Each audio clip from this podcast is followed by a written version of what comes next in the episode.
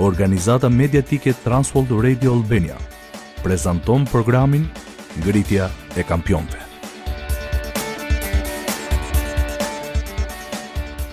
Më pëlqen kur lexoj për Jozueu në Bibël.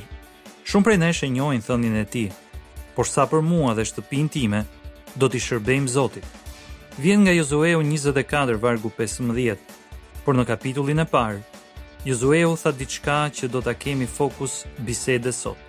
Ky libër i ligjit mos u ndaftë kurrë nga goja jote, por mendohu për të ditë e natë, duke kërkuar të veprosh simbas të gjitha atyre që janë shkruar, sepse atëherë do të kesh sukses në veprimet e tua, atëherë do të përparosh. Mirë se vini në Ngritja e Kampionëve. Unë jam Albani dhe me mua në studio është Pjerini. Në dy programet e kaluara, përdorëm ca fjalë që disa burrave mund t'u duken të frikshme si kohë e qetë, ditar, mësim përmendësh, ndërsa sot do të diskutojmë për meditimin dhe do të shqyrtojmë fuqinë që mund të marrim nga meditimi për Biblën. Burra të Perëndisë, do të gërmojmë më thellë. Prandaj, qëndroni me ne në ngritja e kampionëve.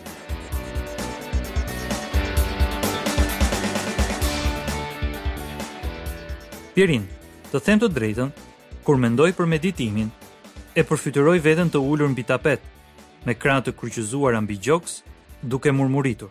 Kur Jozueu tha, medito për librin e Zotit ditë e natë, s'e kishte fjalën për këtë apo jo? Jo, Biblikisht meditim s'do të thotë boshatisje e mendjes. Do të thotë të mendosh me qëllim. Fjalët e urta njëzet e tre vargu shtatë thotë, Njeriu është siç mendon në zemër. Prandaj ajo për të cilën mendojmë është shumë e rëndësishme, pasi na ndikon në bindje dhe në veprime. Meditimi për Fjalën e Perëndisë e ngre mësimin përmendësh një nivel më lart. Të lutem, shpjegoju dëgjuesve tanë ç'do të thuash me ngritjen e mësimit përmendësh një nivel më lart. Është shumë e rëndësishme ta mësojmë përmendësh Fjalën e Perëndisë. Mirëpo nëse s'tregojmë kujdes, mendja mund të na mbushet fare lehtë me një grusht fjalësh që kanë pak ose aspak kuptim. Për shembull, në shkollë shpesh fëmijët tanë mësojnë përmendësh shumë fakte dhe përcaktime. Por i mësojnë përmendësh për të kaluar provimin, jo që t'u ndryshohet jeta. Në të njëjtën mënyrë pa meditim, shkrimi priret të na mbetet në mendje, por pa na prekur zemrën dhe pa na ndryshuar jetën. Them se këtë e kuptoj, por çfarë do të thotë gërmimi më thellë ose meditimi? Për ne meditimi është mendim me qëllim. Dhe Loni Berger në librin e vet Çdo burrë është një luftëtar, na nxit të mendojmë me qëllim në kohën e qetë duke përdorur metodën Bëj pyetje. Kjo metodë kërkon të bëjmë katër pyetje kur përqendrohemi në një varg. Këto katër pyetje janë. Një. Ka ndonjë urdhërim që duhet t'i bindem? Dy. Ka ndonjë premtim që duhet ta zotëroj? Tre, Ka ndonjë mëkat që duhet ta shmang? Dhe katër, Ka ndonjë zbatim që duhet ta kryej? Po i përsëris. Një, Ka ndonjë urdhërim që duhet t'i bindem? Dy, Ka ndonjë premtim që duhet ta zotëroj? Tre, Ka ndonjë mëkat që duhet ta shmang? Dhe katër, Ka ndonjë zbatim që duhet ta kryej? Metoda bëj pyetje na ndihmon të gërmojmë më thellë Po, dhe për të mësuar si të gërmojmë më thellë, do t'i marrim një nga një këto pyetje. Së pari na duhet një varg biblik. Mund të lexosh Psalmin 32 vargu 8? Po. Psalmi 32 vargu 8. Unë do të të edukoj dhe do të mësoj rrugën nëpër të cilën duhet të ecësh. Unë do të këshilloj dhe unë do ta mbaj syrin tim mbi ty. Mund ta lexosh prapë që ta fiksojmë në mendje? Psalmi 32 vargu 8. Unë do të të edukoj dhe do të mësoj rrugën nëpër të cilën duhet të ecësh. Unë do të këshilloj dhe do ta mbaj syrin tim mbi ty. Kur mediton për një varg si ky, pyetja e parë që duhet bërë është, A ka ndonjë urdhërim që duhet t'i bindem? Dhe gjëja e mahnitshme në lidhje me Perëndinë, frymën e Tij të shenjtë dhe Fjalën e Tij, është se të gjithë ne mund të marrim përgjigje të ndryshme për këtë pyetje. Në këtë varg Perëndia thotë, do të të edukoj, do të të mësoj. Për mua ky varg thotë se unë urdhërohem që të marr edukimin, mësimin dhe këshillimin e Perëndisë. Pra a po e bëj. Meshkujt nuk pëlqejnë të lexojnë udhëzime. Na pëlqen t'i bëjmë vetë gjërat. Prandaj s'pyesim kurrë për drejtimin në rrugë? Ndoshta ka edhe kjo pjesën e vet. Por kur unë shoh këtë varg dhe urdhërimin që të marr mësimin dhe këshillën e Perëndisë, Nëse nuk e bëj këtë gjë, duhet ta pyes veten. Mos e kam nga krenaria? Nëse po, ky është një problem. Fjalët e urta 16-18 thotë, përpara shkatërrimit vjen kryelartësia dhe përpara rrëzimit fryma krenare. Fjalët e urta 16-5 thotë, ai që është zemërkrenar, është i neveritshëm për Zotin. Jakobi 4, vargu 6 thotë, Perëndia i kundërvihet krenarit, por i jep hir të përulurit. Duhet të vijmë përulësisht në prani të Tij dhe të marrim përgjigjen që na jep në zemër Perëndia për këtë pyetje. E kuptoj pse është shumë e rëndësishme ta bëjmë këtë pyetje dhe të dëgjojmë përgjigjen e saj. Nëse po na bashkohesh në emisionin tani, ky është programi Ngritja e Kampionëve. Unë jam Albani dhe po bisedoj me Pierinin për rëndësinë e meditimit për Fjalën e Perëndisë. Pierin, Habitem që mësuam kaq shumë nga një pyetje e vetme. Cila është pyetja tjetër? Pyetja e parë ishte a ka ndonjë urdhërim që t'i bindem? Pyetja e dytë është a ka ndonjë premtim që duhet ta zotëroj? Përgjigja është pa diskutim që po. Kur lexojmë, unë do të të udhëzoj dhe do të të mësoj udhën ku të shkosh. Do të të këshilloj dhe do ta mbaj syrin mbi ty. Psalmi 32:8. Shohim se Perëndia thotë do të dhe kur Perëndia thotë do të, ka për ta bërë, nëse e lejojmë. Perëndia nuk na detyron me zor. Premtimi ekziston, por duhet përvetësuar. Kur jemi në punë dhe kemi vështirësi me përfundimin e një projekti ose me zgjidhjen e një problemi, mund ta përvetësojmë këtë premtim.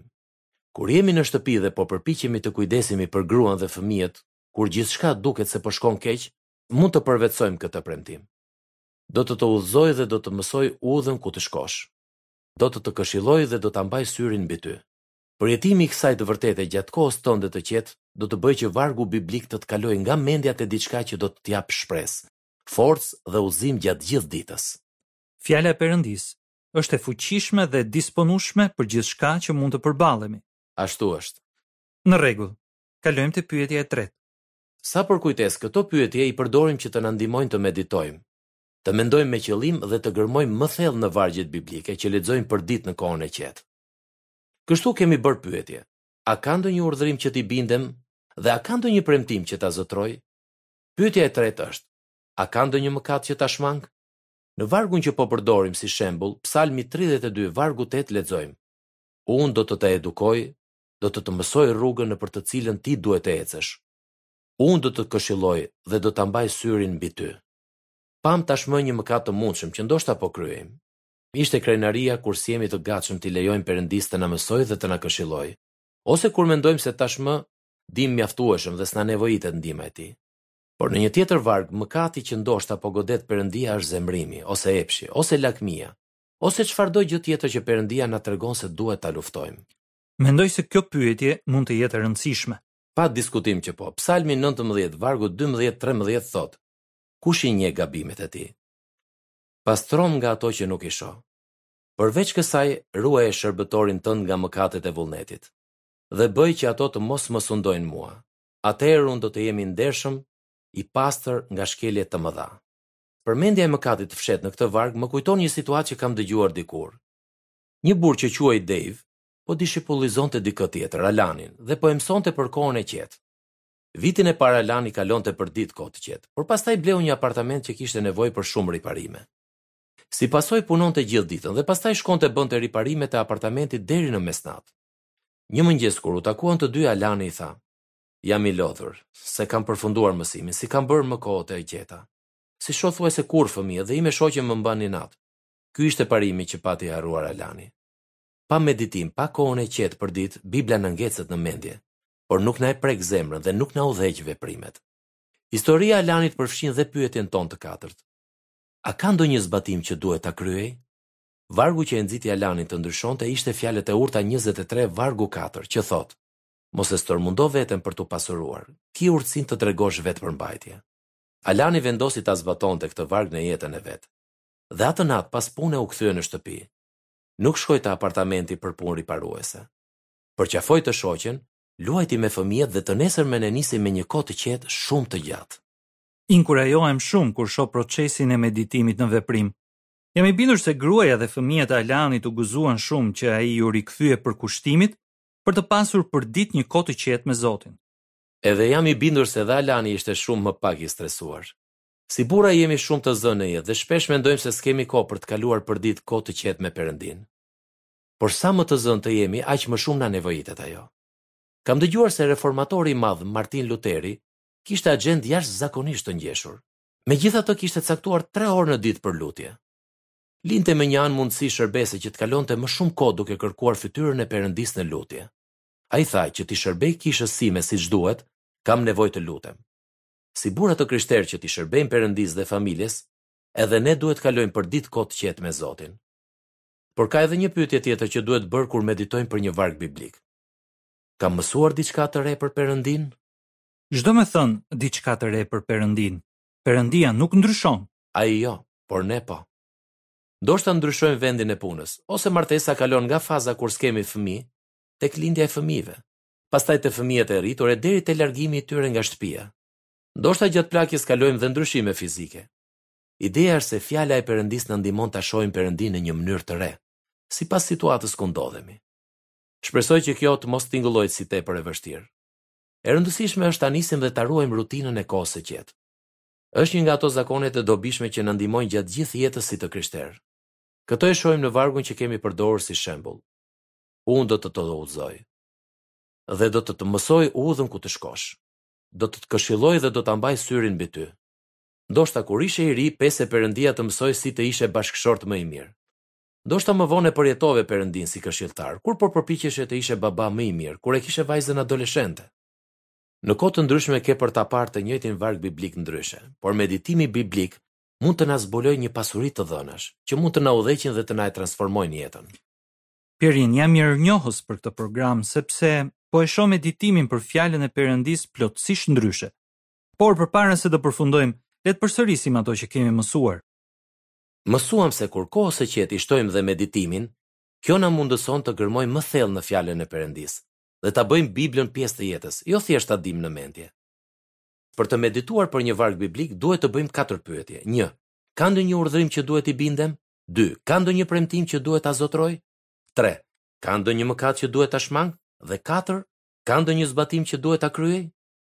E di që diskutuam për shumë gjëra sot, por këto parime mund t'i shqyrtoni në mësimin pesë të librit të Loni Bergerit, Çdo burrë është një luftëtar. Faleminderit, Pjerin. Mendoj se duhet të gëzohemi që s'kemi pse e kalojmë jetën pa përgjigje, sepse kemi manualin që na mëson si të jemi burra të perëndishëm, quhet Bibël. Le të përkushtohemi të gjithë që të kalojmë një kohë të qetë që ia vlen, duke i shtuar rutinës së përditshme edhe meditimin për vargjet biblike.